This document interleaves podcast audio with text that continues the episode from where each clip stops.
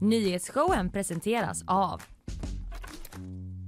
Färsking, fiberrik granola och flingor utan tillsatt socker. Kleli, kontaktlinser på apotek. Fello, Göteborgs alldeles egna mobiloperatör.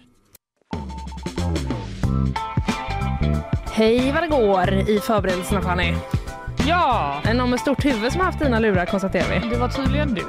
ja, det var jag. Jag har stort huvud och eh, jag tänker inte skämmas för det finns ändå inget jag kan göra åt det. Nej, Eh, tisdag är det absolut inte, utan torsdag är det ju idag. att jag verkligen trodde det var tisdag. ja, nej, nej, nej. Torsdag är det 20 april. Du och jag kamperar eh, här eh, idag. Eh, det gör vi. Ja, Som, eh, som vanligt. Eh, idag så kommer jag eh, att prata om domen som kom efter mordet på Tove. ja. Igår kom domen och båda de åtalade döms till livstidsfängelse. Väldigt ovanligt. Ja, verkligen. Vi ska gå igenom det lite mer snart. Vad ska du prata om? Jag ska prata om eh, Elsa Widding. Du känner till? Ja, eh, Eh, Sverigedemokrat. Sverigedemokratiska ledamoten som har varit på en liten konferens. Fått lite kritik för det. Jaha. Ja. Eh, jag ska också prata om gårdagens eh, stora nyhet om Flumride. Ja, just det. Den kändes... Eh, Det kändes ja, den, vi, får, eh, vi kommer till den sen. Den, eh, den engagerade, ja, det kan man den säga. verkligen. Absolut. Sen så kommer också vår eh, kollega, utrikesreporter Alexandra Turku kommer hit Mm. eh, och vi ska prata om den omtalade belägringen i Waco, Texas när FBI då försökte rädda livet på människor som levde i en domedagssekt men det slutade istället med att 86 personer dog. Ja. 30 år sedan är det sedan, dessa, eh, sedan detta hände. Alexandra Turku har skrivit om det och eh, kommer nu hit och eh, berätta för oss. Skönt. Väldigt, det ska bli intressant att höra. Sen eh, är det ju bakvagn som vanligt. Jajamän. Vad har du där för gött? Eh, barn skulle döda katter i Nya Zeeland. Men det blev kritik. Eh, ja, jag hoppas det. Eller ja, va? det är en, it's a whole thing. Ja, okej. Kommer Mm. berätta mer sen. Mm. Eh, ska också prata om eh, Peg Parnevik och en ultralöperska som åkte bil mitt under ett lopp. Mhm. Ja, det, det känns ju spontant som lite fusk eventuellt. Ja, jag eller? tror det. Jag tror att det kan vara det. Eh, jag kommer berätta för dig om ett, eh, en tävling, ett lopp i Karlatornet. Kanske ska vi anmäla oss du och jag? Nej, Nej, jag vet. Spontana tanken kanske är nej, men vi kan se hur vi känner. absolut. Ja, eh, och sen om att Iowa röstar för mer barnarbete. Och eh, sen ska vi ge oss själva lite ångest genom att prata om en stor, stor eh, plastö i eh, Stilla havet. Ja, just det. Vad Ja. trevligt. Ja, men vi kommer klara oss igenom detta, Ja. du och jag tillsammans. Du, Jag måste höra något. ja, jag ser. Vi har lite problem med din... Eh, Kan jag byta lurar? Det är helt tyst. vi har lite problem med Fannys eh, ljud här. Vi tar och vilar lite på den här eh, mattan så är vi tillbaka och drar igång programmet alldeles strax.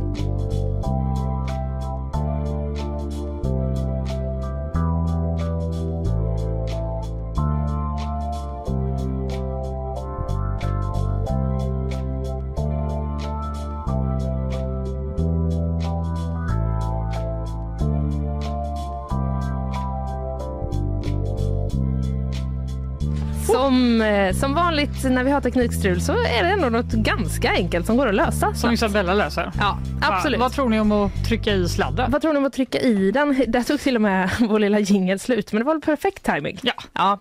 Eh, vad tror ni om att trycka i eh, sladden? Det gjorde vi och eh, då funkar det. Du, nu när det här har löst sig och eh, i övrigt, hur står det till? Bra! Bra! Det ska bli 18 grader varmt idag. Ja, du informerade mig om eh, detta. Det informerade jag om eftersom jag var klädd i en eh, pigg klänning och du var helt svartklädd. Mm, ja. Såg ut som att du eh, Jag kör ninja-stilen. kom upp ur en grav på morgonen. Tack så. Varsågod! Det känns ju bra att sitta här då. Nej, det är jättefint. Nej, tack. Men, Men du hade eh, inte den här, du skrek inte sommaren i city. Det gör det verkligen inte. på 1990 kanske det skrek om mig. Jag tror att det har hänt något sedan dess. Nej, men eh, det, det borde jag ju ha kollat, kände jag. Ja, alltså det är det enda jag kollar på nu. Ja, Du får gå hem och byta om sen. Jag får absolut gå hem och byta om och eh, passa mig. Men du, vet du vad jag gjorde igår då? Mm. Då var det premiär på min balkong. Har du balkong? Jag har balkong. Mm. Gud vad orättvist. Ja det är lite orättvist men eh, det var ju också så eh, eftersom jag pratade igår om hur mycket jag brände mig ja. i eh, facet i tisdags. Jag fick alltså sitta på balkongen med eh, keps och även kökshandduk över större delen av facet. Varför kan du inte bara ha solskyddsfaktor? Jag orkade inte fixa det. Men Linnea! det är ännu bättre har jag hört att liksom inte få sol alls på huden. Ja, jag kör ju SPF 50 och keps alltid. Ja, det kan jag tycka är lite överdrivet. Du ser ju, inte bränd. ja, vi, vi går vidare.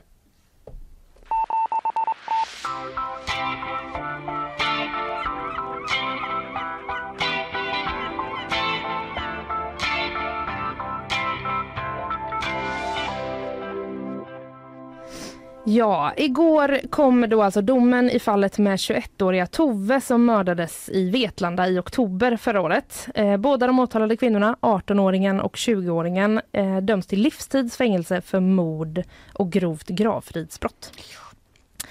Det var den 15 oktober då, vi tar en kort bara ja. beskrivning av eh, vad det var som hände. Men det var den 15 oktober då som Tove var på restaurang Nöjet. Oj, ljudet kom tillbaka va? Ja. ja. Eh, som Tove var då på restaurang Nöjet i Vetlanda. Där träffade hon två tidigare vänner som hon hade haft en konflikt med. Någon form av bråk uppstod mellan dem där inne på restaurangen och eh, efter det så lämnade de restaurangen tillsammans för att gå hem till 20-åringen. Mm. Eh, därefter var det då ingen som såg Tove igen efter det. Och två veckor senare så hittades hon eh, död i ett skogsområde utanför Vetlanda. Och eh, huvudförhandlingen har ju varit nu och tingsrätten slår fast i domen att både 18-åringen och 20-åringen är skyldiga till mord. Mm. De har själva båda nekat till mord. Men de har erkänt gravfridsbrott och det är alltså att de har eh, flyttat och hanterat kroppen efter mordet. Eh, vad som ska ha hänt då under eh, natten tänker jag att vi går igenom lite grann. När de tre eh, kom till lägenheten så ska det ha blivit bråk igen. Mm. Och Tove har eh, på något sätt då hamnat på golvet och 20-åringen ska ha satt sig över henne och tagit strypgrepp. Mm. Och det, är det, det var i med det som Tove dog då. Och 20-åringen hon säger att 18-åringen ska ha hållit fast Toves armar medan detta hände. Men 18-åringen har eh, nekat till det och hon har också sagt att eh, hon inte ens la märke till själva mordet när det skedde. Mm. Hon märkte det inte ens. Hon har sagt att hon liksom eh, ja, men att hon har sovit Just under det, den här tiden. att hon låg och sov. Precis. Ja. Men tingsrätten kommer fram till att eh, 18-åringen har varit med och hållit i Toves händer och att det ska finnas, eh, det ska också finnas mer som styrker det ba än bara att 20-åringen säger det. Okej, okay, från eh, eh, obduktionen? Eh, ja men precis, det är väl det de, det de menar. Sen tror jag att det var någonting, det var lite otydligt exakt vad det var. Men eh, jag tror att det var någonting med också en eh, hälsoapp i mobilen som kunde känna av eh, lite steg eller något sånt där. Mm. Ja, jag ska inte, jag ska inte säga allt, eh, allt för mycket men det finns mycket mer att läsa på gp.se också om man vill veta ännu mer om detta såklart. Yes. Eh, och i domen så står det då att 20-åringen har agerat med vad man kallar för avsiktsuppsåt, alltså att hon hade avsikten att döda Tove. Mm. Och 18-åringen har agerat med insiktsuppsåt. Okay. Det är lite juridiska här, men det betyder alltså att hon under tiden det här skedde då, under tiden hon ska ha hållit i händerna, så måste hon ha blivit medveten om att Tove höll på att dö, men trots det så släppte hon inte, mm. eller hon försökte inte få 20-åringen att sluta eller tillkalla liksom hjälp eller sådär. Och båda de här kvinnornas advokater, de sa igår att eh, de kommer att överklaga domen. Mm. 18-åringens advokat eh, säger att eh, hon är jätteledsen och att det är orimligt att eh, hon döms för ett brott som hon då menar att hon inte har begått. Mm. Och 20-åringens advokat Clea Sangborn, vi kan lyssna på vad hon sa till Ekot igår. Min klient kommer att överklaga domen och vi anser att domen behöver prövas av hovrätten eftersom att man bedömer min klients uppgifter väldigt trovärdiga när det gäller att fälla medtilltalad men inte när det gäller vad hon berättar om hur det har gått till, så att säga vad hon har gjort i badrummet. Jag finner det lite motsägelsefullt. Mm, 20-åringen har ju tidigare sagt att hon har dödat Tova av misstag. Mm. Det var inte hennes avsikt då helt enkelt. Eh, och hon har medgett att hon har tagit det, det här strypgreppet som man pratar om. Eh, och det är det som advokaten syftar till då, mm. att det inte ska ha varit meningen. Eh, och Clea Sangborn, advokaten, har också under rättegången då ifrågasatt eh, dödsorsaken. Hon menar då att eh, Tove kan ha dött av att hon har eh, ja, men en kombination av att hon har varit alkoholpåverkad, eh, att hon har legat ner och att det kan vara så att hon har kräkts Aha. och dött på det sättet. Men tingsrätten eh, då i domen får man reda på, de har gått på rättsläkarens uppgifter Mm. och eh, så här säger då rådmannen Erik Handmark eh, också till Ekot. Den bevisningen tycker vi är väldigt stark. Där säger hon särskilt att eh, de skador som eh, offret hade eh, kan inte ha uppstått på det sättet som 20-åringen har berättat utan hon måste ha hållit ett mycket hårdare och längre tag. Och att det är uteslutet med någon annan dödsorsak än just att hon har kvävts på grund av strypning. Alltså. Ja, Mm. det är vad rättsläkaren säger helt enkelt och det har tingsrätten gått på. Eh, och det här är ju ett unikt fall på Mm. flera sätt. Dels eftersom eh, de dömda är kvinnor Mm. och att det är två kvinnor då som har gjort det här tillsammans. Och de hårda straffen sticker, sticker också ut. Mm. Att De det är så unga. Ja, precis. En 18-åring och en 20-åring som döms till eh, livstid. Och det är faktiskt en ganska ny lagändring som gör att det ens är möjligt. Mhm.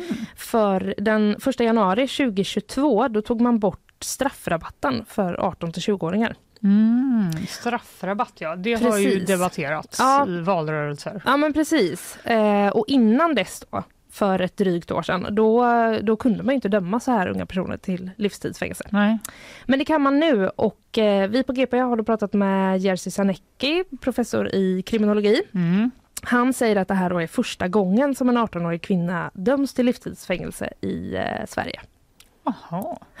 På grund av den här eh, lagändringen då som gör det möjligt. Eh, och så här säger han då om domen och eh, straffen. Det är mycket intressant och flera var tveksamma till utgången. Att 20-åringen skulle få livstid var ganska klart för det fanns mycket stöd för det. Gällande 18-åringen hade folk olika uppfattningar och jag hade nog gissat att hon inte skulle få det. Mm. Så han blev lite förvånad över det helt enkelt. Okej. Ehm, men tingsrätten har då alltså gått på åklagarens linje om att de här båda har agerat eh, ja, men genom, tillsammans och i samförstånd. Det är Mm. också en sån juridisk term som man hör Mm. ibland. Men då förklarar eh, Jerzy Sarnecki att om, om det är så, då behöver man inte liksom skilja på du gjorde exakt det, du gjorde exakt det. Utan har det varit i samförstånd, då är det liksom eh, då döms båda. Då är båda skyldiga Ja. i detta fall. Precis. Och det är faktiskt fler eh, som är förvånade, kanske specifikt över att 18-åringen döms till livstid. Försvarsadvokaten Leif Silbersky, han säger att tingsrätten har lagt ribban för lågt och att det Mhm. saknas tillräckliga bevis, tycker han, Okej. för att döma 18-åringen. Eh, Jens Lapidus, författare, kanske mest eh, känd som det för många, men han är också före detta advokat. Mm. Och eh, han, säger, han ser det inte som uteslutet då att hovrätten gör en annan bedömning Okej. nu när det kommer att överklagas. Och Aftonbladets Oisin Cantwell han skriver också att eh, det är långt ifrån säkert att domen står sig i hovrätten. Och då syftar de på 18-åringen främst då? Eh, ja, som jag har eh, tolkat det. Ja. Så är det så. Mm. Eh, men livstidsfängelse döms alltså båda de här kvinnorna till för mord och grovt gravfridsbrott i tingsrätten. Men de nekar som sagt till mord och eh, har redan meddelat att de kommer att överklaga.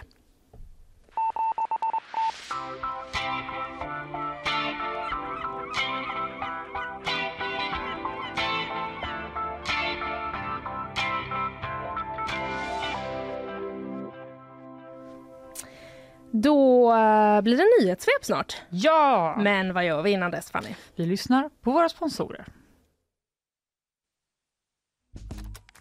Nyhetsshowen presenteras av Färsking, fiberrik granola och flingor utan tillsatt socker. Kleli, kontaktlinser på apotek. Fello, Göteborgs alldeles egna mobiloperatör.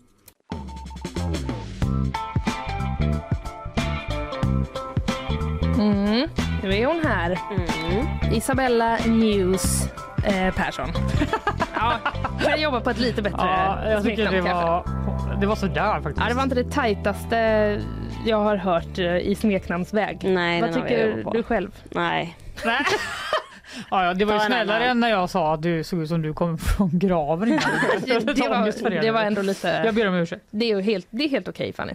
Ehm, men vi tar väl inte, vi tar väl och kör igång bara va? Det tycker jag. En man ska i natt ha blivit indragen i en bil och blivit bestulen på flera värdesaker. Händelsen inträffade i området runt Guldheden och mannen ska också utsatts för flera slag innan han blev ivägkörd och släppt. Mannen larmade polisen och med hjälp av signalementet kunde man bara en stund senare gripa tre personer i åldrarna 20 till 30 år och händelsen utreds nu som människorov. Panik utbröt igår kväll i Jemen när allmosor skulle delas ut. I folksamlingen klämdes över 80 personer till döds och flera hundra skadades i händelsen som inträffade i landets huvudstad Sana. Det ska ha varit i samband med en välgörenhetstillställning där lokala handlare gått samman för att dela ut pengar till behövande. Trängsel uppstod och varningsskott ska ha skjutits i ett försök att skingra folksamlingen. Men enligt vittnen ska skotten istället träffat en elledning som orsakade en explosion vilket gjorde att händelsen urartade än mer. Igår kväll blossade ett stort starkt sken upp över Kiev. Flyglarmet ljöd över staden men myndigheterna gick snabbt ut och sa att det rörde sig om en av NASAs satelliter som trätt in i atmosfären. Men detta verkar inte ha stämt. NASA säger att farkosten som under veckan skulle trätt in i atmosfären fortfarande befinner sig i omloppsbanan. Debatten om vad som kan ha orsakat skenet har nu fortsatt på sociala medier men vad som faktiskt har skett är ännu inte konstaterat. USA vill se Sverige i Nato innan sommaren. Det säger landets försvarsminister Lloyd Austin som är på plats i Sverige för att diskutera just Nato. Men även om säkerhetsförsäkringar USA gett till Sverige och stödet till Ukraina. Austin säger till TT att man kommer jobba hårt för att få in Sverige i alliansen och att USA ser det som en mycket viktig fråga. Ja, det är väl tur att vi inte är helt eh, bortglömda efter att Finland gick med va? Oh. Det är fortfarande någon som Hallå. tänker på oss. Ja, vad är vi för stadie i det här eh, liksom, eh, uppbrottet höll jag på att säga. Ja, Nej, jag ska inte säga så. Finland men... är ju jättemåna om att få med oss också. Ja, ja. det är de De har ju godkänt vår ansökan också när Precis. de gick in. Men också analyser från det här, även fast USAs, eller liksom USA är positiva i den här så är det fortfarande oklart liksom hur den här eh, hur det ska fortlöpa, ja, hela processen. Precis. Vad betyder det för eh, Erdogans eh, ja, inställning exakt, kan man ju undra. Mm. Det och eh, kanske lite andra eh, nyheter får vi om en stund igen av dig. Det får vi. Tack för nu.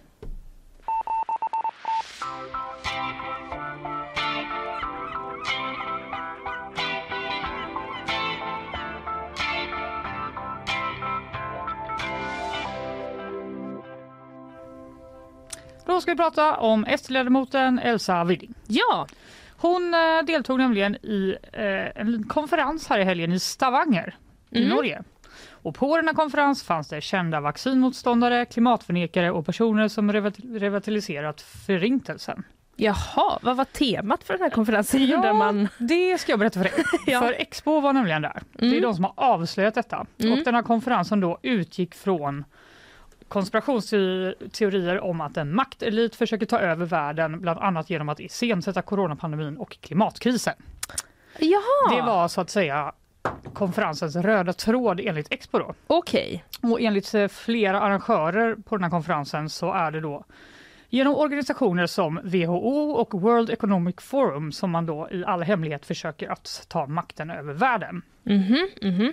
Och eh, på denna konferens så höll eh, Elsa Widding ett eh, föredrag. Okej. Okay. Och hon tog då upp Klimatpolitiska rådets senaste rapport där ordföranden Cecilia Hermansson då har varnat för riskerna med att skjuta upp utsläppsminskande åtgärder mm. på framtiden. Och under hennes föredrag så gick Widding då enligt Expo till attack mot uttalandet. Hon sa det är väldigt ovetenskapligt sagt av henne. Det är en skam. Jag skäms verkligen över sådana här uttalanden och att de sprids i media sa hon okay. från scenen där. Ja. Och hon ska också ha varit med i ett panelsamtal under den här konferensen.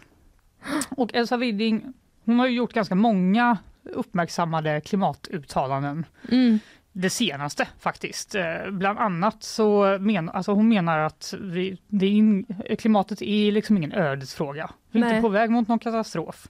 Det här kommer ordna sig. Ja. Även om man då tar stöd av IPCC rapporter till exempel så, så är hennes tolkning att det, kom, det är liksom inget problem det här. Nej, okej, okay. så hon använder sig av liksom eh, samma källa ändå som, som andra använder och kommer fram till motsatsen? Ja, mm. exakt. Senast för två månader sedan så sa hon till DN att det är inget problem att vi närmar oss 2,7 graders uppvärmning. Mm. Det är ju någonting som ja, till exempel FNs generalsekreterare Antonio Guterres har sagt är en katastrof. Ja. Men Widding säger så här, 2,7 grader, är det verkligen en kris? Det blir lite varmare och vegetationszonerna flyttar eh, längre norr utöver. Och det är framförallt norra halvklotet som kommer drabbas av detta. Så för oss så kommer det ju bara bli bra. Aha, hon menar liksom att eh, vi kommer få... Det är så kallt här ändå. Kommer våren tidigare? Ja, Ja. jag antar det. Ja. Eh, så helt enkelt en liten inblick i vad hon står Mm. i klimatet då. Mm. För att det var ju det hennes föredrag handlade om. Och vad säger hon då om den här konferensen? Mm. Hon säger till Expo att fler riksdagsledamöter borde besöka de här konferenserna. Mhm. Tycker hon. Mm. Eh, hon utvecklar också detta när TV4 ringer upp henne. Eh, igår gjorde de det. Då sa hon så här. Det är väldigt svårt att veta vad som är konspiration och inte. Alltså, eh, och det får inte vara så att man inte vågar att söka fakta när man får den ju normalt sett inte genom media. Utan man måste ju söka all information själv. Alltså i förlängningen så är det ju så att de anser att det är judarna som styr och att det är de som sitter på all makt. Eh, och att eh, liksom vaccinet är en del av deras maktutövande. Det där, det där, det där är avancerat. Jag är hemskt ledsen men jag har ingen som helst eh, jag har aldrig fattat det där liksom. Alltså jag har aldrig haft tid att sätta mig in. Jag har full sjå att förstå klimatfrågan och där blir jag ju kallad både det ena och det andra. Det där med konspirationerna, det får, det, det får någon annan stå för. Ja, ljudet försvinner lite där i deras eh, uppkoppling men hon Mm. säger att det är för avancerat för henne det där och hon har inte tid att hålla på med alla de konspirationerna. Nej, Hon var ju där för att prata om klimatet. Ja. Och hon säger också till TV4 att hon inte uppfattat att vissa av de här arrangörerna var kontroversiella. Hon var bara där Mm. för att söka, söka fakta och de här konspirationerna då, det får stå för dem. Ja. Men den här medverkan har ju fått vår utbildningsminister, liberalen Mats Persson, att reagera. Mm. Han skrev först på Twitter att Widding visar prov på ett kunskapsförakt som inte anstår en riksdagsledamot. Det är allvarligt att ge stöd till konspirationsteorier om klimat, vaccin och förintelsen och hon måste nu visa att hon står upp för vetenskapen. Och då eh, ringde TV4 Nyheter upp även honom och då utvecklade han vad han menade med det. kritisk när riksdagsledamöter inte håller sig till fakta och eh, förnekar kunskap. Det är väldigt allvarligt. Som riksdagsledamot måste man vara medveten om vilka konferenser man medverkar på. Man, man, hon legitimerar ju på det sättet den här typen av konstiga åsikter om att eh, vaccin skulle vara farligt eller eh, konspirationsteorier om judar eller för den delen klimatförnekelse. Så att det, är ju, eh, det är ju allvarligt när riksdagsledamöter agerar på det sättet.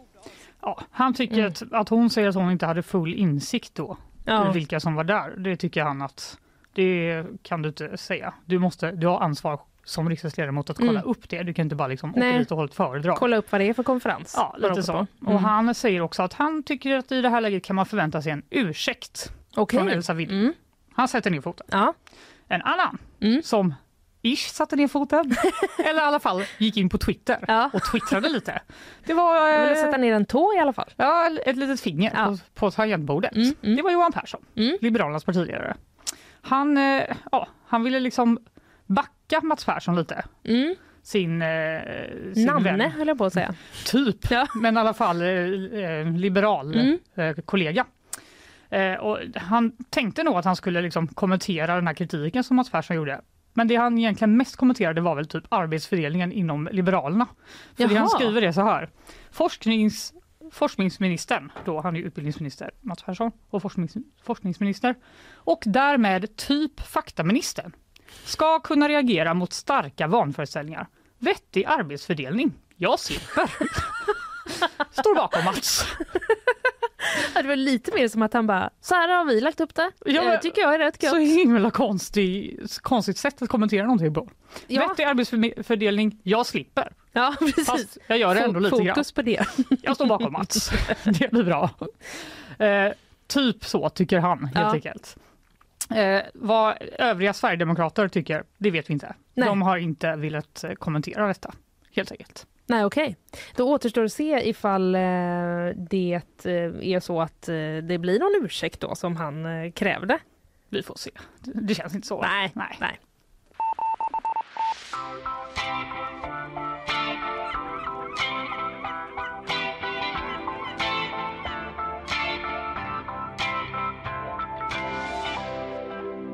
Från ena till verkligen det andra. Ja, verkligen. För igår kom nyheten som skickade svallvågor av chock Ja, genom hela redaktionen. Det skreks det gjorde det på faktiskt. sjuka, sjuka sätt. Att jag var så här, det har hänt något riktigt allvarligt. Ja. Bara, nej, det har verkligen inte gjort det. Det handlar om Flumride. Ja. Men det är också inte bara genom Göteborg, jag skulle typ vilja säga hela Sverige reagerade på det här. ja, det känns nästan så. Ja. Eh, Det vi pratar om, om någon skulle missat det, Ja. det är ju att Flumride, då, den älskade vattenattraktionen på Liseberg, Mm. Den går mot sin sista säsong i parken. Det är otroligt. Ja, den invigdes 1973. 50 Det är år också sedan. otroligt.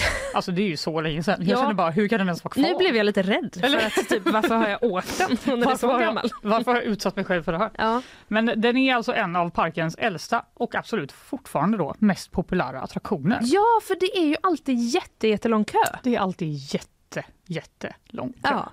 Det är helt rätt. Och vi ska höra kommunikationschefen Martin Westlund här, som eh, blev uppringd av P4 Göteborg.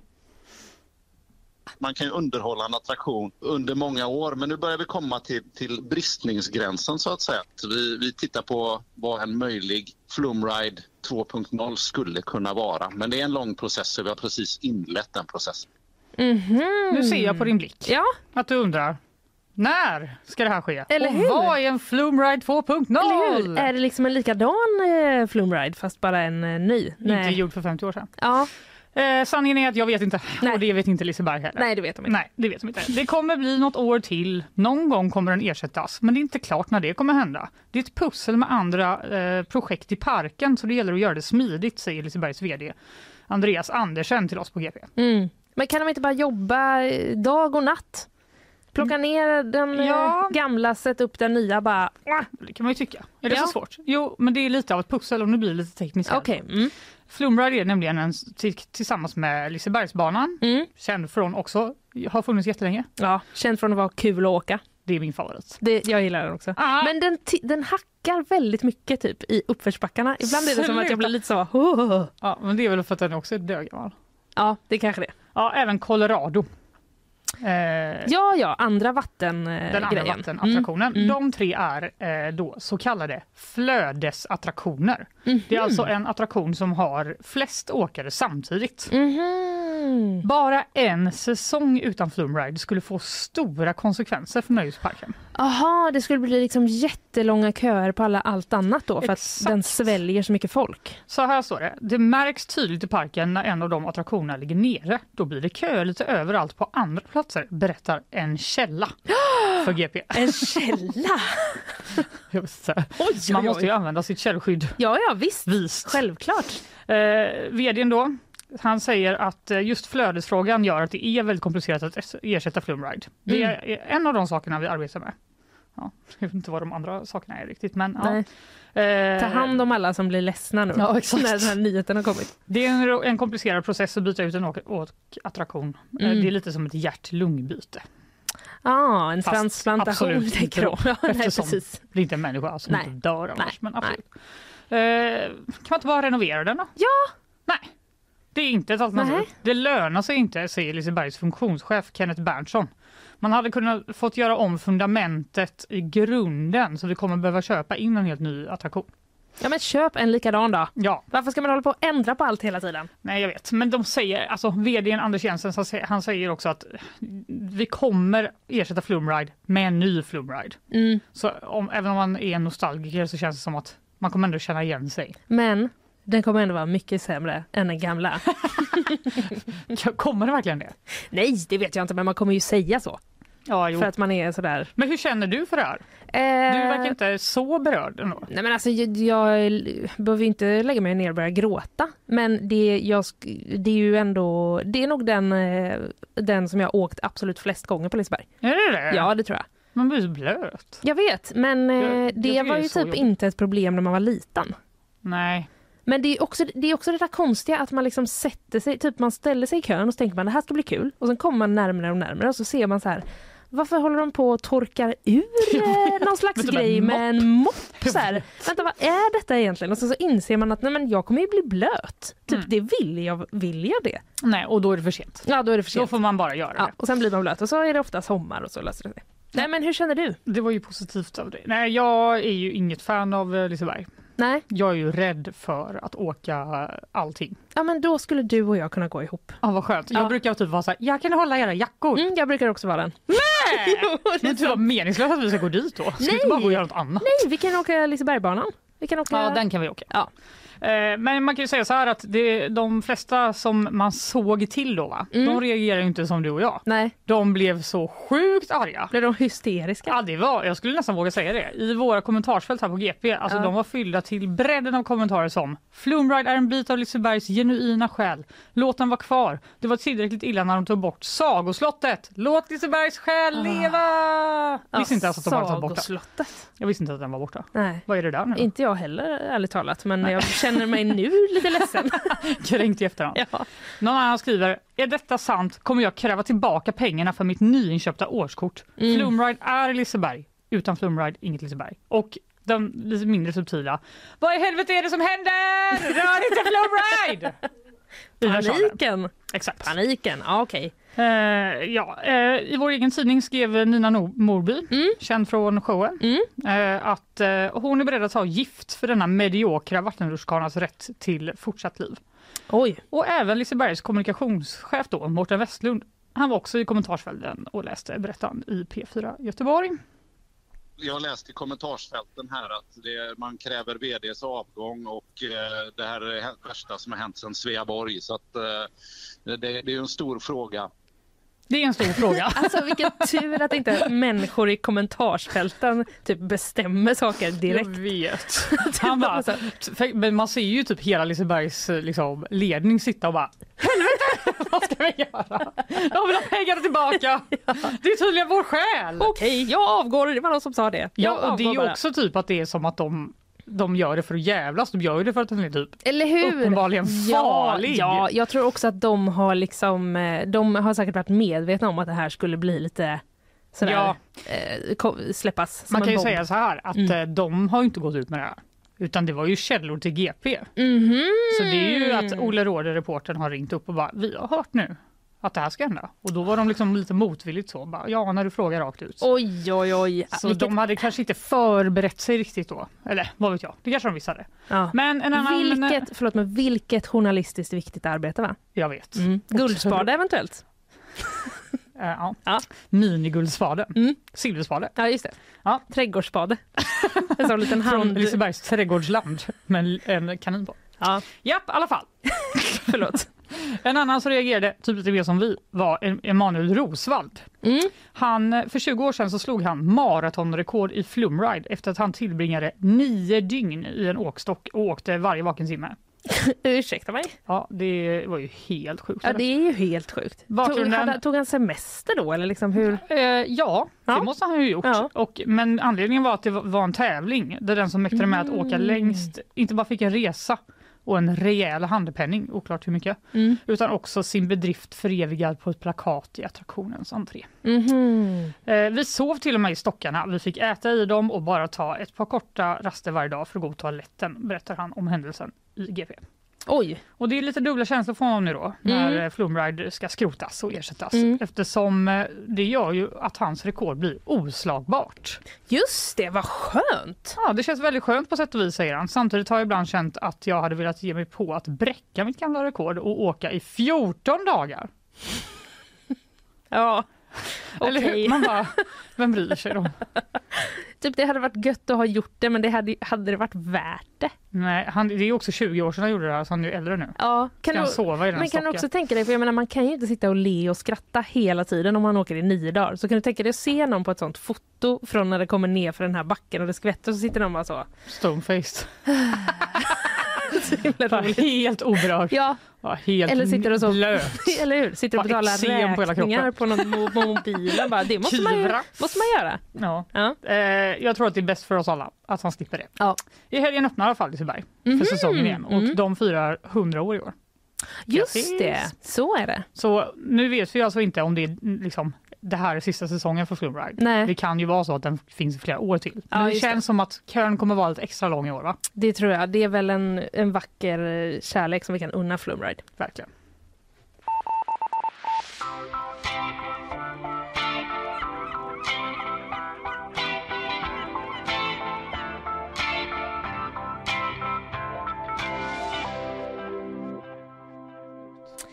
Hallå där! Hallå, hörs det här ut? ja. Hallå, hallå? Allting är bra med tekniken. Hallå, vi kan eh, hallå. slappna av.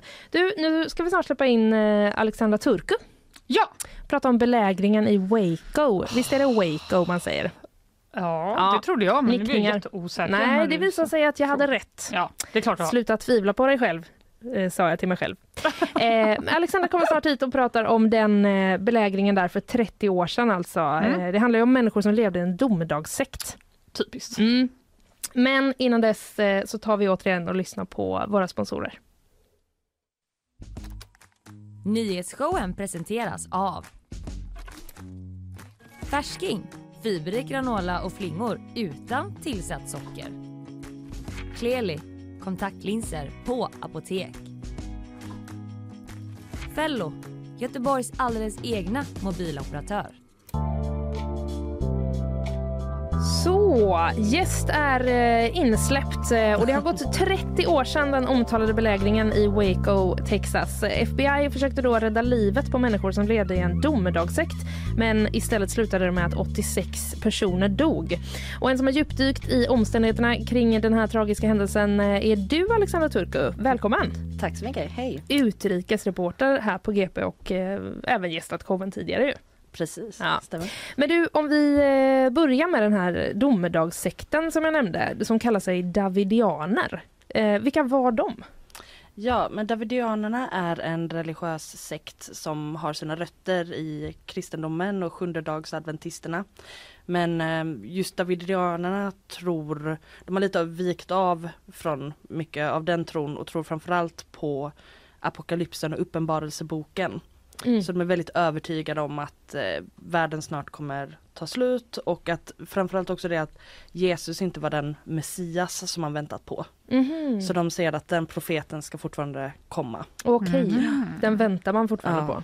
Men den här ledaren då, David Koresh, Precis. vad vet man om honom? Liksom? Vad var hans drivkraft? N- Så han, han som ung så föddes han i en, till väldigt unga föräldrar. Eh, övergavs av sina föräldrar och fick växa upp med sin mormor.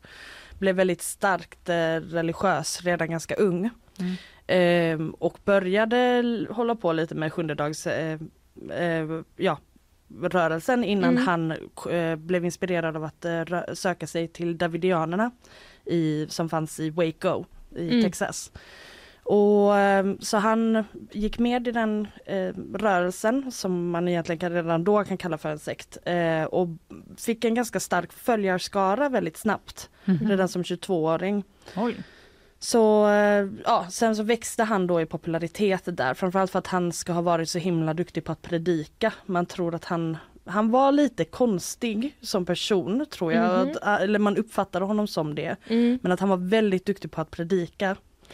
Karismatisk Eh, Precis, liksom. Ja. och på det sättet fick ja, en lojal följarskara och växte eh, i popularitet helt enkelt. Mm. Ändå det som förenar alla sektledare out there. Ja, visst, eller Karismatisk va? Kanske Ja. lite konstig.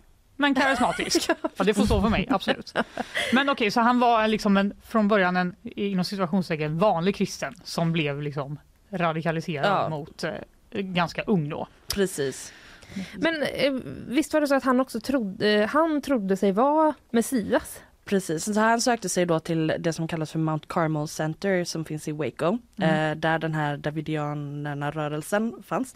Han föddes som Vernon Howell men någonstans där så bytte han namn till David Koresh vilket också har religiösa inslag. Han började se, först började det med att han började se att han var någon slags profet. Mm. Att han, hade, han kunde samtala med Gud, han visste vad som skulle komma. Mycket talade om att snart kommer domedagen. Mm. Och det är vi som ändå kan föra fram det här meddelandet. Vi har en viktig roll i detta.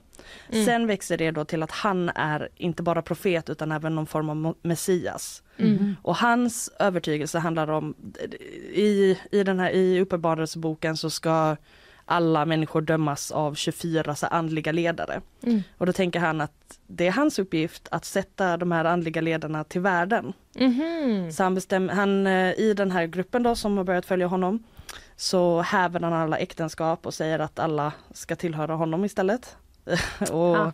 ja, eh, Alla kvinnor eller precis, alla, alla kvinnor. period? Mm. Ja, Alla kvinnor, så det, var, det fanns en del gifta par som han då började ta som fruar men även tyvärr ganska unga människor, Ja. tonåringar och barn. Ehm, ja, och känner att ha, så börjar liksom försöka bilda sin egen liten, ja, För han, han gifte sig med 14 kvinnor. Man tror det. Ja, äktenskapet, det, det är ju inte kanske så giftermål som kanske hade erkänts i Nej, just det. dagens eller USA eller då. Mm. Men någonstans inom den här gruppen så såg man ändå att det fanns som ett andligt äktenskap mellan Mm. de här personerna. Och så skaffade han barn med dem. Ja, Ja. tyvärr. Men vad var det som, eh, det här med jordens undergång som var Mm. liksom eh, stundande. Vad var det som eh, skulle hända, tänkte man sig, när den väl kom? D- Det var nog kanske lite otydligt ibland men man såg framför sig, alltså det handlar mycket om det som sägs i Uppenbarelseboken att eh, Guds lamm ska öppna eh, sju sigill och så, på så sätt kommer hela världen att dömas. Och han började då se sig mer och mer som den här personen. Mm. Eh, som att eh, han skulle vara Guds lamm. Vilket också passar ganska bra in för hans del med vad som senare hände. Eftersom att de började förespråka om att hela deras sekt, hela världen kommer att gå under i en sån här massiv eldstrid eller att världen kanske är emot dem. Mm. Eh, så mycket av det som komma skall ligger väl ganska förenligt med vad som faktiskt hände sen i Waco. Men Ja. det är typ, ja, vi ska komma dit alldeles strax, men det är alltså att om ni inte följer mig så kommer ni dö. Ja, Alltså, alltså, är det, vad är liksom moroten? Precis, det var inte så mycket egentligen att man hotade om eh, självmord på det sättet. För det finns ju andra självmordssekter som man har pratat om i USA. Där det mer har varit att de senare tagit det beslutet i sina Ja, egna händer eller vad man ska säga. Men här Mm. har det mer varit att de, de vet om att jorden snart kommer ta slut. Det fanns mycket sådana tankar redan på 70-talet men ända fram liksom 80-talet, 90-talet också. Eh, jordens undergång är på väg. Vi är de som vågar se det Mm. på något sätt. Och att han var en så pass övertygande person och att de här följarna verkligen trodde att han var den riktiga Messias på något sätt. De, de var lojala till honom, de trodde på det han sa och Mm. tyckte att det han predikade kändes jättesant och rimligt.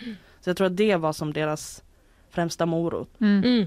Mm. Men för eh, 1993 då, sex år efter att de har flyttat in, då händer ju någonting. Då har ATF, myndigheten då som reglerar eh, alkohol, tobak och skjutvapen i USA planerat en överraskningsräd eh, mot det här kollektivet som de liksom har byggt upp. Varför har de gjort det?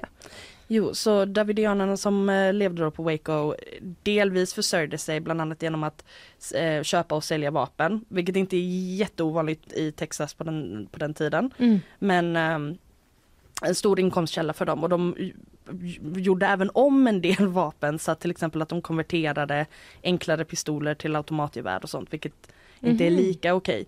Men de ska ha då haft en ganska stor vapensamling eh, Mhm. på, i, eller i Mount Carmel.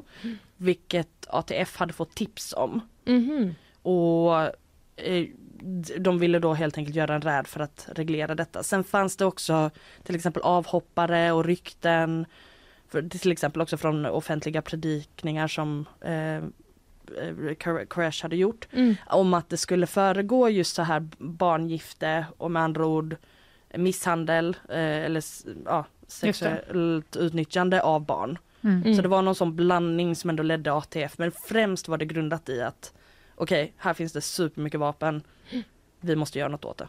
Och vi ska prata mer om den här eh, liksom, eh, belägringen eller vad man ska säga. Men hur vet man, hur vet man någonting om hur de levde där? Alltså i det här komplexet. Mm. De levde ganska avskilt. Det ligger en liten bit utanför Waco som är en ganska st- stort område, stor stad i Texas. Eh, verkar vara väldigt så här, kollektivt liv.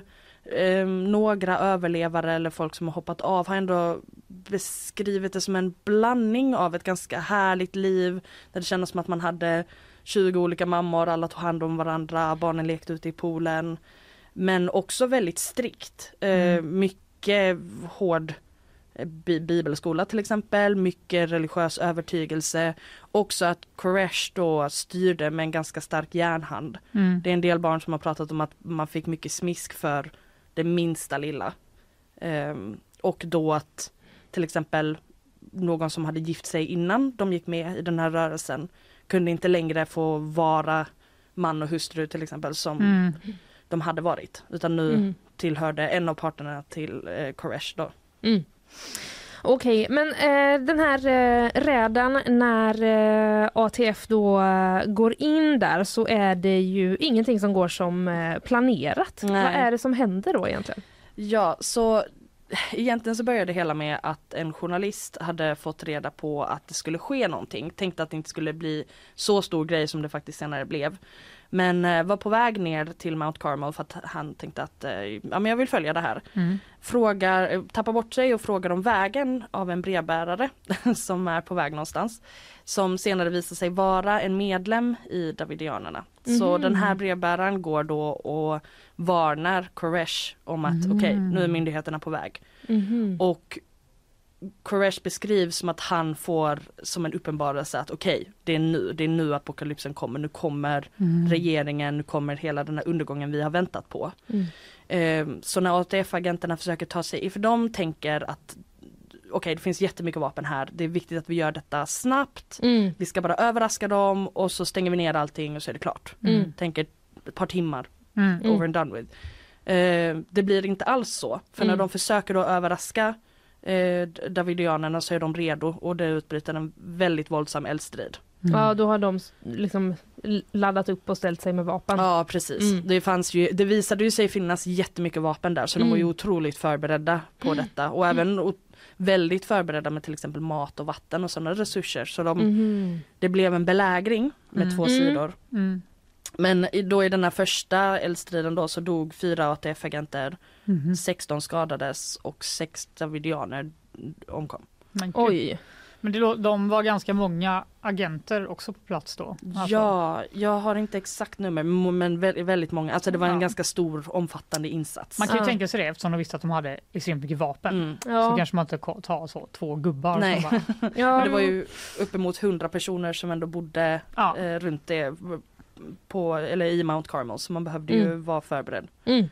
Men för sen då när, när själva belägringen då börjar, då tar FBI eh, över operationen. Ja. Vad, vad, vad gör de då? Hur, hur ska de lösa den här situationen? Ja, så FBI, dels har de en stor insatsstyrka på plats och dels så har de förhandlare som är specialtränade i att försöka lösa detta på fredlig eh, väg. Mm. Och det är redan här kanske, alltså ganska tidigt så gör de väl ett misstag att man har lite olika bestämmande faktorer mellan de här två grupperna. Jag tror att det är ganska tidigt som en, en part är väldigt övertygad om att det här kommer gå att lösa på fredlig väg medan den andra parten, insatsstyrkan, är lite mer vridna åt att det behövs våld i Mm. någon form. Mm. Men så förhandlingar börjar till en början, eh, ja förhandlingar inleds.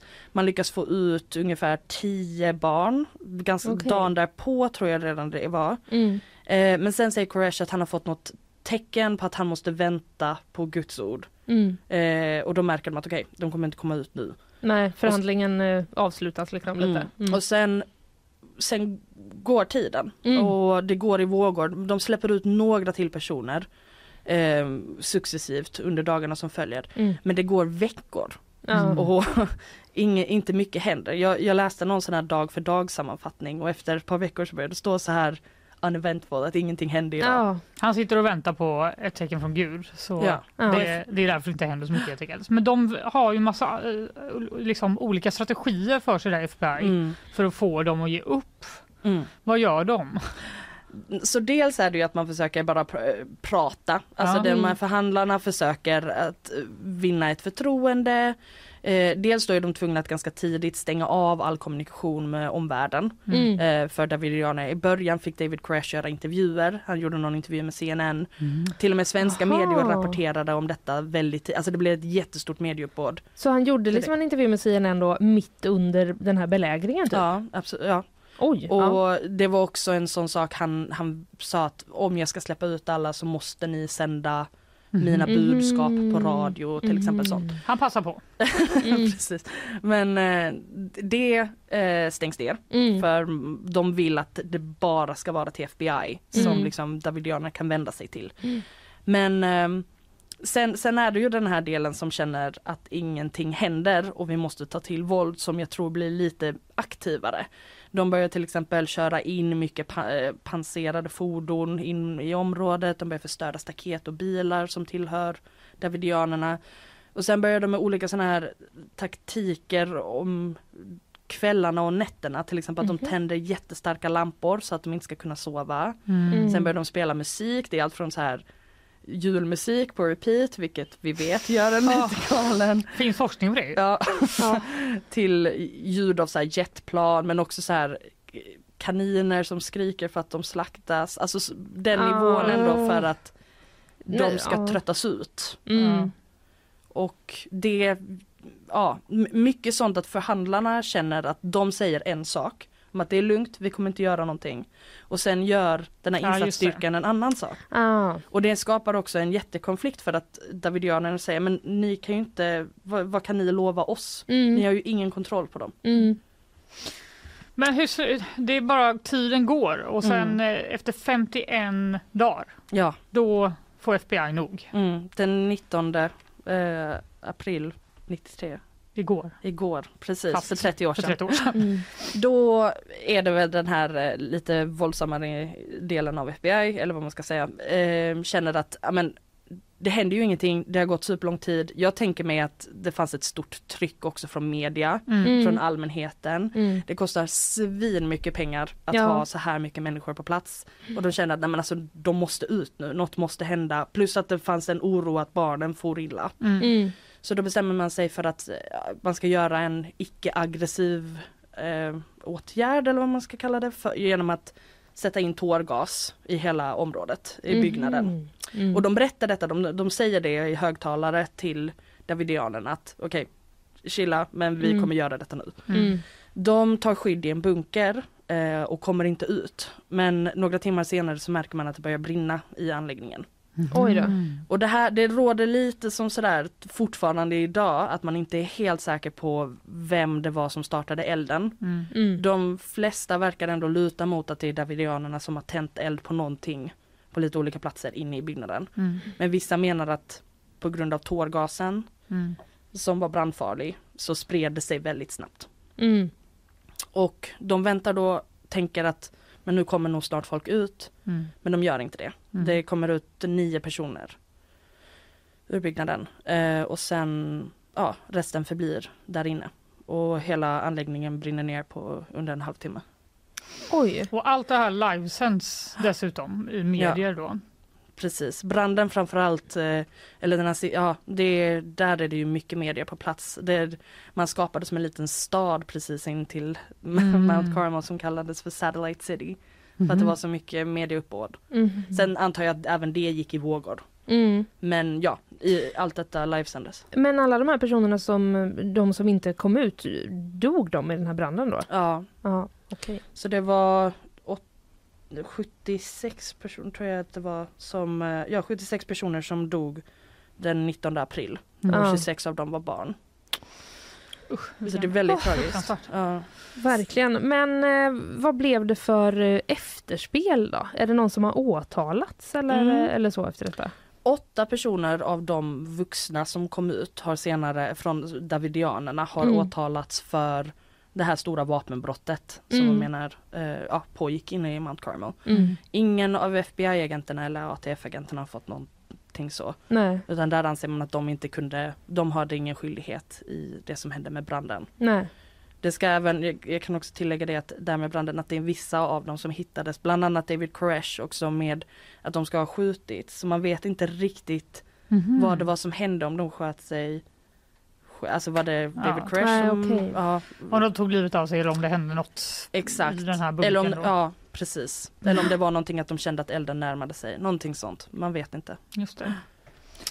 Okej, ja. vilken händelse Ja. och som liksom följdes då kan jag tänka mig av eh, ja, men även andra länder men också Mm, hela USA. mm. Och just det här med livesändningen under själva Ja, brandgrejen. Ja. Men de som har överlevt det här och de få, de, Mm. eh, har de liksom kunnat vittna om det idag? Ja, det har de. Så där finns det också lite två olika grupper vad man ska säga. Jag- ser att det finns en generationsskillnad där. Att man har vuxna som har överlevt som varav några fortfarande är kvar i området och fortfarande Mhm. predikar samma tro Mm. och fortfarande Mhm. tror på att David eh, Koresh var över, alltså så att det, det han predikar var rätt. Mm. Ehm, sen, sen har de väl kanske lite blandade känslor över allting som hände. Mm. Men sen har man ju framförallt barnen då som har fötts och vuxit upp där Mm. eh, och av de som överlevde då att dels kan de se vissa saker ur kanske ett lite nostalgiskt filter att det var ändå fint, lite sommarlägerkänsla men samtidigt så pr- vittnar de ju alla om ja, mycket tveksamheter just med våld och sexuella toner och så. Mm. Ja, eh, 30 år sedan det här alltså Mm. och eh, det kan man också givetvis läsa mer om på gp.se. Där Mm. finns eh, artiklar som du har eh, skrivit. Men eh, det här är också en del eh, i en ny serie förstår jag som ni har dragit om på Precis. utrikesredaktionen. Vad är Det det har för vi. serie? Vi kallar det för händelserna vi inte glömmer. Mm. Och tanken är att varje vecka så ska vi ta upp någonting som hände ett antal år sedan på just den dagen. Mhm. Eh, Okej. och Waco är till exempel en sån. Så Mm. där vill vi berätta om det som har hänt, framförallt med bildfokus. Så att Mm. det ska vara att eh, ni får en kort liten text men framförallt kan ni kolla på bilderna och få reda på historien. Ah, Ja, ja, okej. Ja. Det finns en hel del bilder i den artikeln. Inga, inga farliga bilder. så Inga, att säga. inga, Men, inga, eh, nej precis. Om Ja. man vill veta mer så kan man Mm. gå in på g.se. Det rekommenderar vi. Eh, Alexandra, tack eh, för idag. Vi Tack ses eh, snart här igen. Det gör vi. Tusen så tack.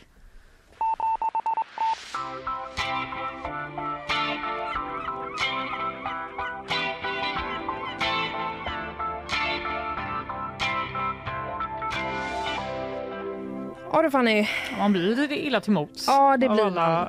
sekterna som Ja. har funnits. Ja, verkligen. Och eh, också Och när man... finns, Ja, men precis. Och eh, det finns ju så många också. Ja, jag vet. När vi började prata om detta alltså häromdagen så fick jag för mig att det var en helt annan eh, historia. Men Ja. det finns ju så många. Så Ja, det gör det. ja. Tur vi har en, en eh, utrikesredaktion som Ja. kanske kommer guida oss genom fler sekter. Vi får väl se ja, men precis. som blir nästa Vi, grej. vi får se vad det är för händelser eh, där som vi aldrig glömmer som man kan följa alltså. Men eh, tills vidare in och eh, läs Alexandras eh, text och se på bilderna därifrån från Ja. Waco också.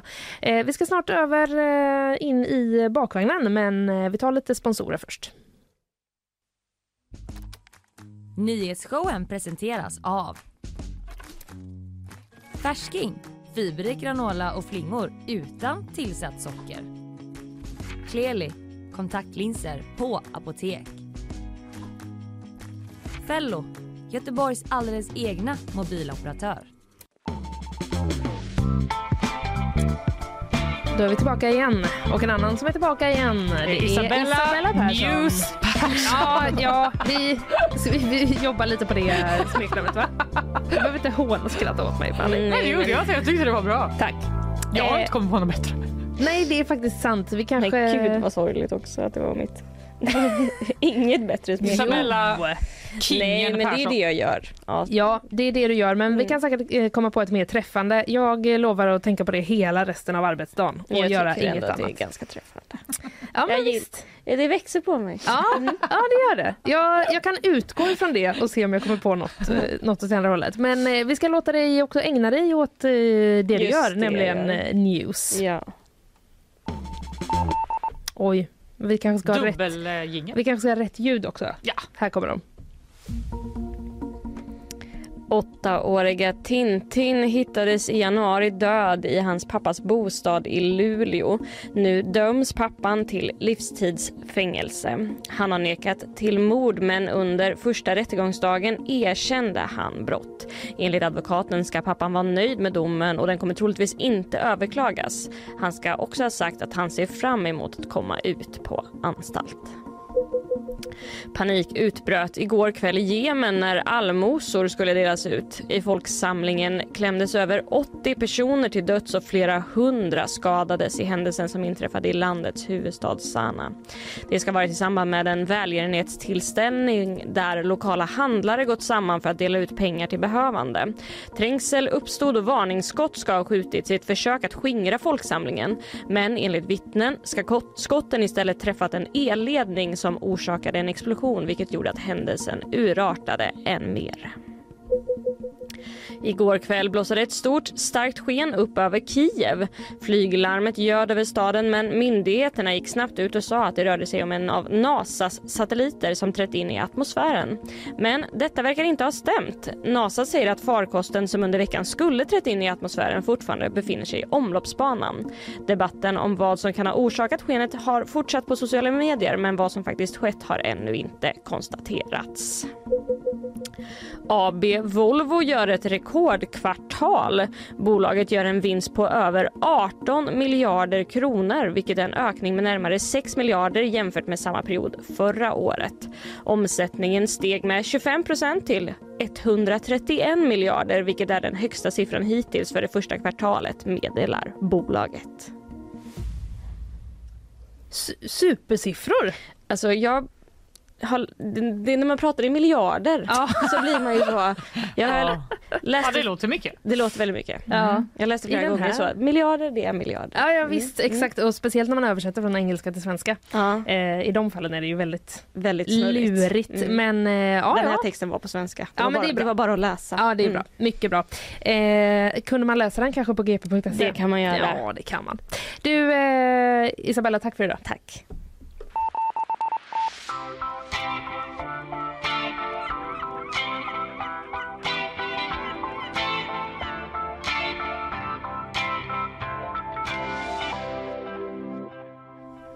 Vet du vad jag läser nu? Breaking news Är det sant? om Twilight. Va? Vad kan det möjligtvis vara? Du vet att Harry Potter ska bli en rebooted TV-series. Ah. De skulle göra en eh, säsong per bok slash film. Mm, mm. Eh, och fast förutom den sista som skulle bli två. Så Ja, det är typ det. åtta säsonger eller vad det nu är. Ja. Eller hur många Harry Potter-böcker är det? Åh, jag blir typ trött i Det förväg. Det är för jobbigt när man vet att det kommer så många säsonger av en Ja, jag vet. Ja. Men eh, då kommer någon på att det var ju smart. Vi gör samma sak med Twilight. det är Lionsgate som arbetar på en serie. Ja, okej. Eh, Twilight är ju också böcker. Ja, men det Eh, är ju också filmer. Räcker är också filmer. inte det med film? Nej. Måste vi ha ännu mer? Eh, ja, vi Okej. måste ha ännu mer. Ja. Vi måste eh, göra allt som har varit en succé Ja, just det. till försöka göra det till en succé igen. Och då tre Mm. gånger. Först boksuccé, Mm. sen filmsuccé, sen seriesuccé. Musikalsuccé, Ja, det pjässuccé, finns väl också. poetry slam-succé, Exakt. tavelsuccé. Den sista vet jag inte vad var det för Nej, inte succé. jag vet inte heller riktigt. Men, eh, men de ska göra, allt gör man med succéer. Ja, är Okej, bra. vad Det är vet lite- vi om den? Jo, det är, man vet inte så mycket. Det verkar vara i sin linda, va? Mm. Det är inte ens klart vilken streamingplattform eller tv-kanal eh, som eh, kommer streama den sen. så Nej, det, kommer, okej. det dröjer nog verkligen. Mm. Dock verkar då Stephanie Meyer, som är hon som har skrivit Mm. böckerna och Mm. också var inblandad i filmerna.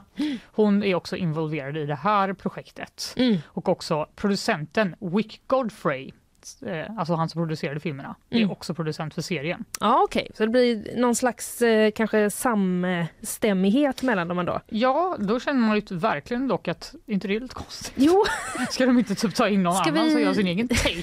ska vi göra exakt samma sak som vi gjorde film av? De bara, Så... ringer du R-Pat så ringer jag Kirsten Stewart så Ja. kör vi bara en samma sak en gång till. De kanske, de, det kanske de gör. Då skulle de kunna göra att eh, serien liksom så utspelar sig mycket längre fram i tiden. När de är gamla. Men Så de är ju de bara- vampyrer, de åldras ju inte. Just det! Vad Ah! dumt Och det gör ju tyvärr eftersom vi. människor åldras. Ja. Ja. Precis. De får lägga på något sånt svindyrt filter. Ja, jag kände lite, det är ju lite slappt det här. Ja, lite. Det är lite slappt. Gör en ny bra grej. Ja, gör en ny vampyrserie. Det finns ju bara 8000. Hör ni det där ute? Mm. Jag tänker att han måste ha en otroligt exklusiv och snygg tvättkorg. Kanske är den i rostfritt material, kanske är den i guld. Det, det låter som en fantastisk beskrivning. Guldtvättkorg, Mm. ändå goals. Betoning på kanske. Ja. Det är alltså Gert Wingård om Jörgen Fågelklos eh, tvättkorg. Eventuella tvättkorg. Eventuella tvättkorg Mm. som man pratar om här. Du, nu återkommer vi till eh, den här tävlingen. Mm. Sporttävlingen höll jag på att säga. Jag menar löpartävlingen. Ja, berätta om den. ja, du och jag kanske ska anmäla oss till. Nej, det ska vi inte. Nej, vi ska absolut det inte kan ju knappt gå Nej. trappa. Det är helt korrekt Fanny. Ja. Skönt att vi är lika på, på det sättet. Ja, det får man säga. Eh, så här, jag läser eh, rubriken på gp.se. Ola Sernekes plan, kolon, arrangera löpartävling i Karlatornet. Är det han som ligger bakom? Japp, det är det. Eh, Karlatornet ska ju stå klart då nästa sommar, eller Gylfen som vi numera kallar det. Den heter Gylfen. Den heter Gylfen. Eh, nu avslöjar då Ola Serneke att man planerar en löpartävling inuti Nordens högsta byggnad. Mm. Man får njuta av utsikten om man orkar, säger han.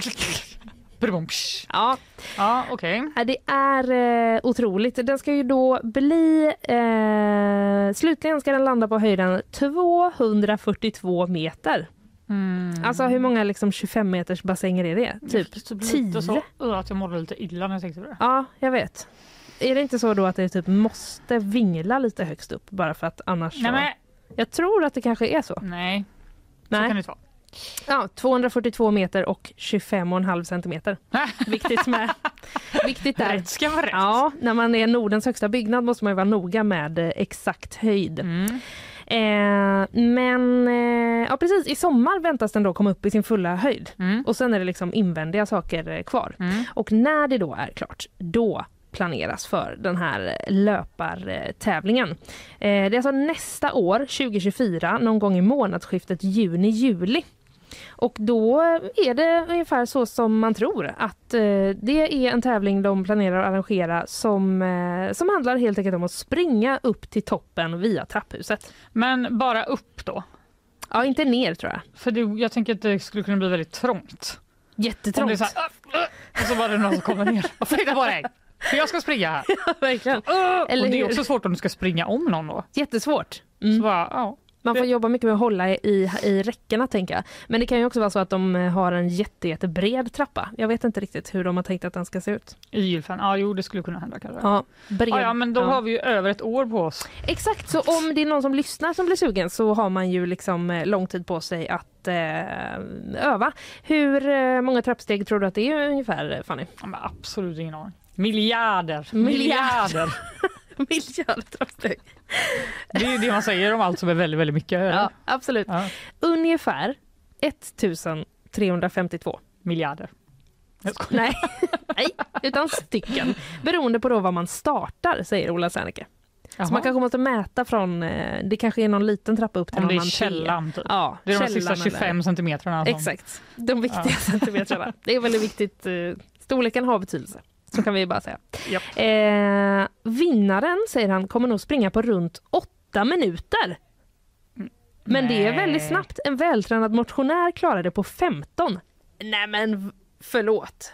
Vad menas med det här? Det här känns inte... Åtta minuter tar det ju inte att springa upp. Nej det kan det ju inte göra. Frågetecken. Du måste väl ändå pausa lite? Men han tänker att det ska komma liksom såna proffs från hela världen. Han t- ja, eventuellt eh, kanske han tänker det. Men jag menar, jag bor tre trappor upp. Jag blir liksom andfådd av att gå där bara. Men jag tror inte vi kan räkna in oss själva. Nej, nej, men nej, okej. Som någon slags mått. Jag är ledsen. Det har, du- du har väldigt rätt i det faktiskt. Fanny. Åtta Men- minuter, alltså wow, jag blev lite intrigued nu ändå. Ja, Då men ja, får vi verkligen vänta tänk också den. Då vill man ju se liksom eh, det filmat i Ja, realtid. typ att jag precis tänkte, det är ändå ett lopp jag skulle kunna tänka mig att följa för det är så kort. Ja, absolut. Men hur ska det gå till då? Ska det springa en fotograf GoPro. baklänges? Det får bli GoPro. Ja, GoPro får det bli. Men på man vill ju- alla. Ja, på alla. Men det, det kan Ja. inte vara så många som ställer upp på den här sjuka tävlingen. Vet du, det kan det faktiskt inte vara. För att man måste också eh, begränsa det av naturliga, av förklarliga skäl. Ja, de får inte plats. Skriver vi här. Så blir det något annorlunda nedskalat var du, vad det gäller deltagare. Man räknar med 200 till 300 löpare.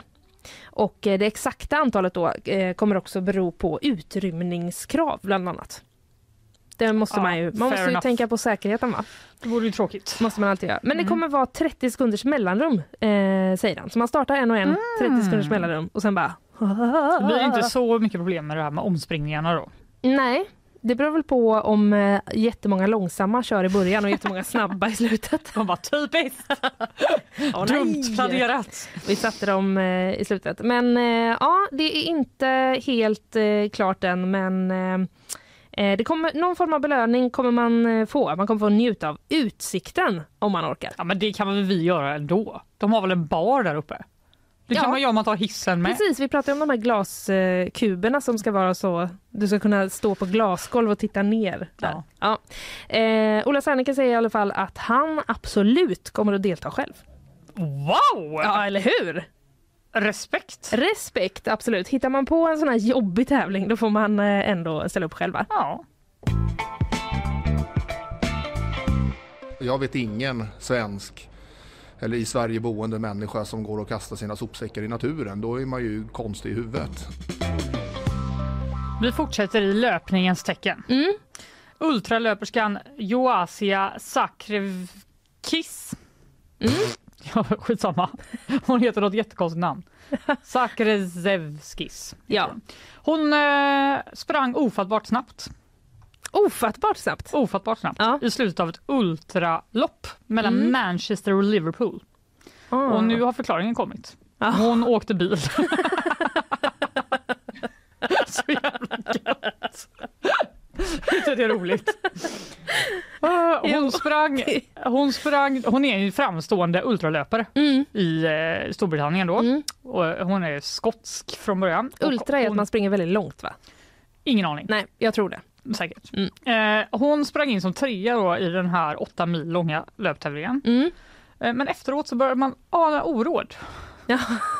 Det visade sig att hon hade sprungit de sista 1600 metrarna på en minut och 40 sekunder, vilket skulle betyda en snittfart på 60 kilometer i timmen och är långt eh, under världsrekordet på distansen.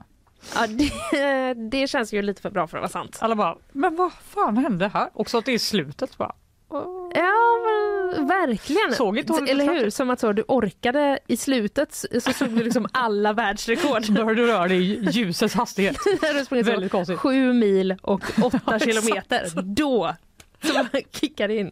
Nej, men nu, nu kommer en förklaring. Hon åkte fyra kilometer bil. Ja. Av eh, de här åtta milen. Och när fusket uppdagades så blev hon eh, givetvis diskad och hon gav sin förklaring. Eh, hon bor i Australien.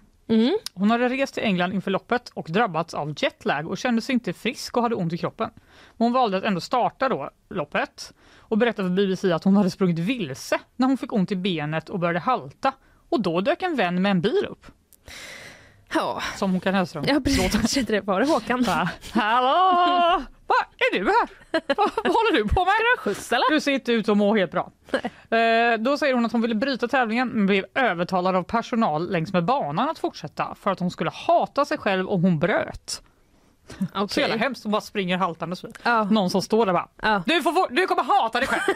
Fortsätt spring! Som att någon skulle stå så vid liksom godiset i matbutiken. Du kommer hata dig själv! Lägg tillbaks det där! Du behöver inte det glasspaketet. Nej, släpp! Släpp nu! Alltså, typ Som en förälder. Typ att, jag tror att folk hade velat ha det. Jag tror också det. Man Det hade typ betalat för sånt godis. Ja. Så står det bara slå till på handen som hade på väg mot skopan. Eller så sen, sen kväll när någon som inte röker blir lite sugen på cigg. Det är också så. Nej! Du kommer hata dig själv! Ja, det hände även henne. Ja. Eh, hon säger då att eh, hon blev övertalad eh, och, av personalen. Mm. Hon sprang vidare och var sen noga med att inte då passera någon löpare innan mållinjen. Jaha okej. Ja, ja. Men, Men hon blev så. trea. Hon blev trea. Och, och gick ändå upp på prispallen och tog emot priset. Jag begick ett stort misstag som tog emot priserna. Jag borde lämna tillbaka dem. Jag kände mig jetlaggad och sjuk. Jag borde inte ställt upp på fotograferingen, men jag tänkte inte klart. Nej, väldigt jetlaggad och sjuk. Ja, Kanske jag hon var då. fan. Jag tycker det är jättekonstigt. Sen säger hon dock, jag är en idiot. Ja. Jag vill be Mel, som är alltså Mel Sykes, det var den som kom trea egentligen, Mm. som fick priset i efterhand då. Jag Mm. vill be Mel om ursäkt, säger hon. Ja. Eh, Hon har samarbetat men utreds nu av flera olika idrottsorganisationer. Jag är verkligen ledsen. Ja, vad jobbigt. Alltså, eh, man kan ju verkligen känna att eh, det är klart att du inte kan sätta dig i en bil när du springer ett springlopp. Så att säga. Nej. Men också typ jag kan ändå sympatisera lite med så. Ja det här blev bara jättedåligt. Ja, Men det är någonting med att Förlåt. bara, men jag tänkte inte riktigt och så var det någon som bara sa jag så här, så gjorde jag det så stod jag bara här. Typ att man bara, ja, Ja. det kan väl hända. Det kan väl hända. Ja. Men det var lite, jag hade typ mer förstått om det var så här, jag tog en liten genväg. Jag sprang liksom genom skogsdungen istället för runt. Ja. Då hade man kanske bara, ja ja. Men det är nog ganska extremt att hoppa in, eh, ta den här, en vän med en bil. Det är eh, vägen liksom. Ja, precis. Kan du släppa av mig där borta? Ja. Springa vidare. undrar om man kan eh, göra någon sån grej i Karlatornet-löpningen. En vän med en skylift Fem som våningar. står utanför ett fönster. Hoppa in här. Hoppa Hallå, in här. du ser lite trött ut. Ska bara montera av eh, fönstret som säkert inte går att öppna så eh, högt men eh, absolut. Har du varit med om någon gång att du har sett eh, folk plocka lösgodis i butikerna med händerna? Nästan varje dag jag är på affären. Hur reagerar du då? Säg åt dem att gå åt helvete. Ska man ha honom som vakt istället? Ja det tror jag kanske man skulle ha. Man bara tar upp en godisskål och han bara, dra åt helvete. Dra åt helvete. Och så går man bara till frukten istället. det funkar kanske. Man bara okej, Ja, då gör jag väl det. Ja, eh, du nu ska vi ge oss eh, i kast med eh, den här plastön som jag nämnde i början. Ja, vad är det för skit nu då? Jo då, det är så här. Jag försöker liksom ha peppig stämning i rösten så att vi liksom ändå... Hur kan man låta så glad när man pratar om en plast? Nej men jag provar en grej så ser vi om det känns Ja, bättre. Ja, ja, ja, jag vet inte ens vad du. Plastö bildar unikt ekosystem. Oklart vad följderna blir. Det kan bli jättepositiva följder. Visst kändes det så nu när jag läste den? Ett helt säreget ekosystem har bildats i världens största plastsamling som flyter i Stilla havet visar en ny studie. Plasten skapar en unik levnadsmiljö. Toppen! Och eh, det gör att kustarter som inte vanligtvis finns på öppet hav lever bland skräpet. Gud, är det här en positiv nyhet kände jag nu när jag läste. Ja, men, ja absolut. Ja. Ehm, så är det i alla fall. Den flyter alltså runt där i Stilla havet. På DN är jag och eh, läser. Mellan Kalifornien och Hawaii. Och den här ön kallas för The Great Pacific Garbage Patch. Fan, äh, kanske man ska ta lite semesterresa dit? Ny- Charlotte Perrelli efter, efter den här atollen för 500 000 spänn. Hon bara, det är skitbra här. Helt ljuvligt. Den flyter av sig själv. Det finns arter här som inte kan leva någon annanstans. Till exempel jag. Ja. När du flyter runt här. Nej förlåt, eh, berätta Ja. vidare. Berätta mer. Jag berättar mer. Jag berättar mer. Eh, en av, eh, så här då, den har liksom bildats genom att det är en av de här eh, cirkulär, en sån cirkulär ström i Mm. världshaven. Det gör att eh, skräpet liksom samlas mot mitten och då blandas. Alltså som, eh, lite som någon slags, eh, vad heter det, när man liksom drar ur proppen i ett Ja, badkar. blir en liten virvel av, eh, skräp. Ja precis, fast light kanske då. Mysigt. Hur stor är den här ön tänker du? Ja. Finns det plats för både dig och Charlotte Perrelli kanske? Helst ganska gott om plats då. Helst ganska, ja, ja. Ni känner ju inte varandra än så då Nej. kanske man vill vara lite privat och så. Men eh, det är lugnt kan jag säga för den här är tre gånger så stor som Sverige. Ursäkta? Jag vet! Nej, Tre gånger så stor som Sveriges yta. då finns det verkligen plats för oss båda. Ja det finns det verkligen. Det var. Ja, precis. Nej men gud vad sjukt! ja, Det är typ det sjukaste. det är helt sjukt faktiskt. Men det ger en också en bild av hur stora haven är på något sätt. Ja, Ja, svårt att samla upp den liksom också, åka med en båt och bara plocka upp det. Det går inte då nej. Ja, men det finns i alla fall då en ny studie som visar att eh, det är ett eget ekosystem som har börjat, eh, börjat bildas här. Och det finns eh, till exempel då krabbor och havsanemoner som överlever och förökar sig på den här eh, eh platsen. Och eh, en eh, kvinna som leder den här studien, Lindsay Haram, hon säger till CNN då enligt DN att 20% av arterna som hittades på plasten inte vanligtvis lever i den här delen av havet.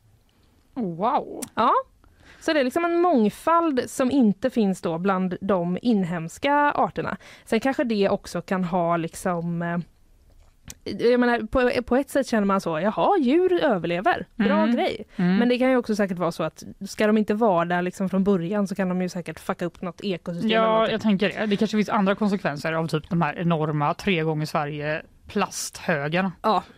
Kan, Ja, man, verkligen. kan man tänka sig det? Det kan man verkligen Kan man tänka tänka sig att de kanske, Kanske också... lite mikroplaster till Ja. exempel bland annat. Det är det och vindkraftverken va? Ja just det, ja, PPP. så är det. Mm. Oj vad jag fick en, en eh, vad jag drogs tillbaka Ja, långt varsågod. i tiden. Tack. Eh, nej men du, det finns, eh, det är inte helt fastslaget läser jag varför de här organismerna eh, kan leva på Mm. plasten. Mm. Men en teori eh, är att eh, eftersom att, att den här plasten då kan flyta längre tid på vattenytan än vad organ, annat organiskt material kan. Som kanske sjunker och, och bryts ner. Men eh, plasten stannar kvar och då får eh, liksom, de här krabborna till exempel då längre tid på sig att eh, överleva och eh, reproducera. Eh, Så det verkar som att det finns många eh, frågor och eh, en av dem är då också vad den här nya miljön innebär för havets ekosystem i övrigt. Ja, det undrar man ju verkligen. Det undrar man. Ja, jag är typ i chock av den här informationen. Ja, jag med. tänk, alltså när det var så här, du undrar hur stor den är och du var tre gånger, tänkte jag typ tre gånger tre meter. Ja, jag tänkte också Så den här det. Kanske en fotbollsplan. Ja, exakt. Och max. Ja, visst. Och då Men- tänkte jag det blir för trångt för mig och Charlotte. ja, Jag klarar inte det. Men nu blir det nästan för långt bort om ni tar varsin eh, ände. Verkligen. Ja, du får kanske ringa henne och eh, prata om det. Konferera. Ja.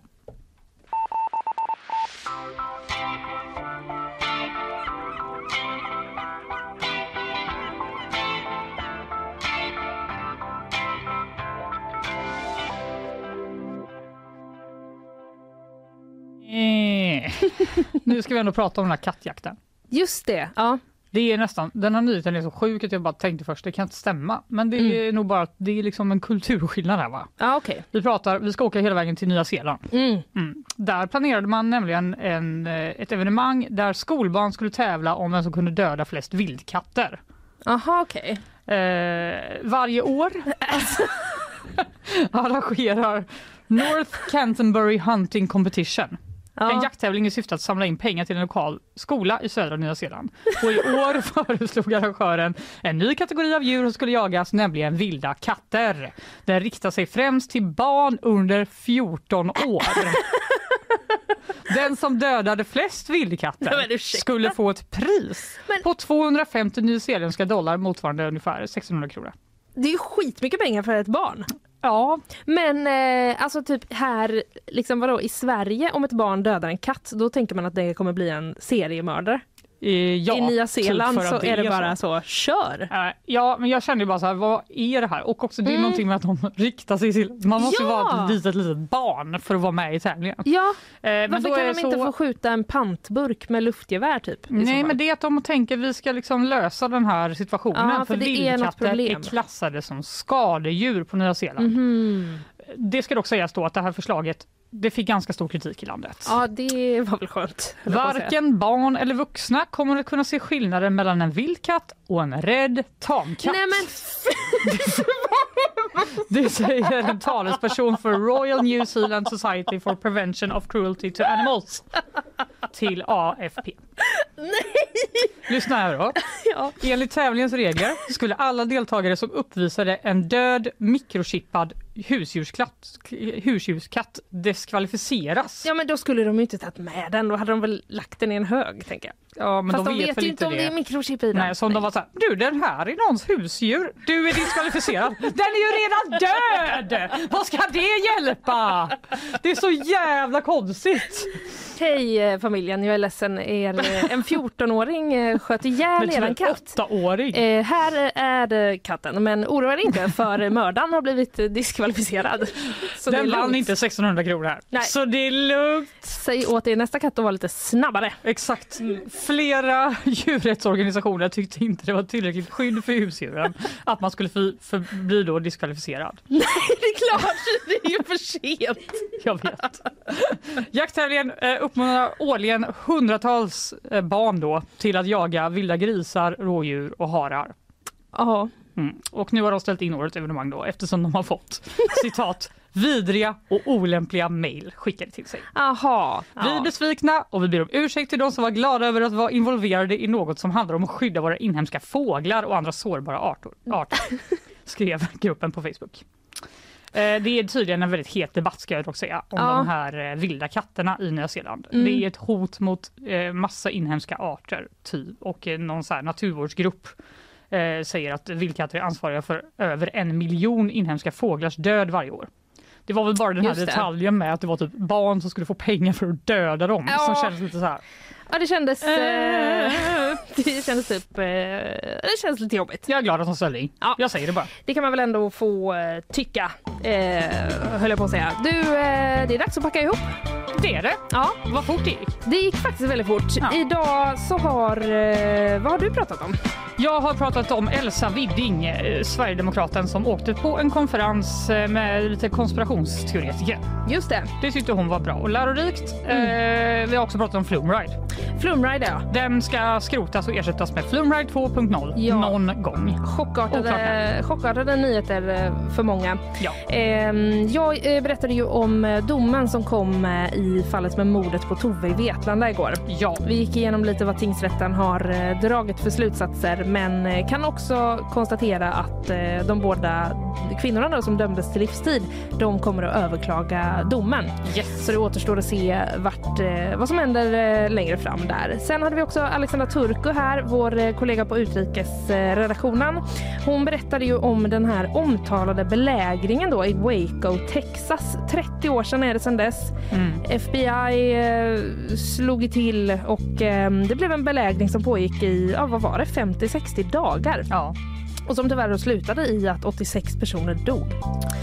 Ja, Är herregud. man eh, mer intresserad av det så kan man gå tillbaka och lyssna eller lyssna på podden och man kan också läsa eh, Alexandras artikel på gp.se och titta på lite bilder som finns. Vi kan slänga upp en liten länk på Det- Instagram. det slänger så vi kan ni hitta den. På Instagram, absolut. Sen är vi där vi är nu. Ja! Vi kan eh, bara- vi lätta upp det lite i bakvagnen. Fick vi skratta lite? Ja, det var väl skönt. Det behöver man. Det behöver man ibland. Du... Nu går vi ut i solen. Ja, nu går vi ut På med solen. bikini Linnea!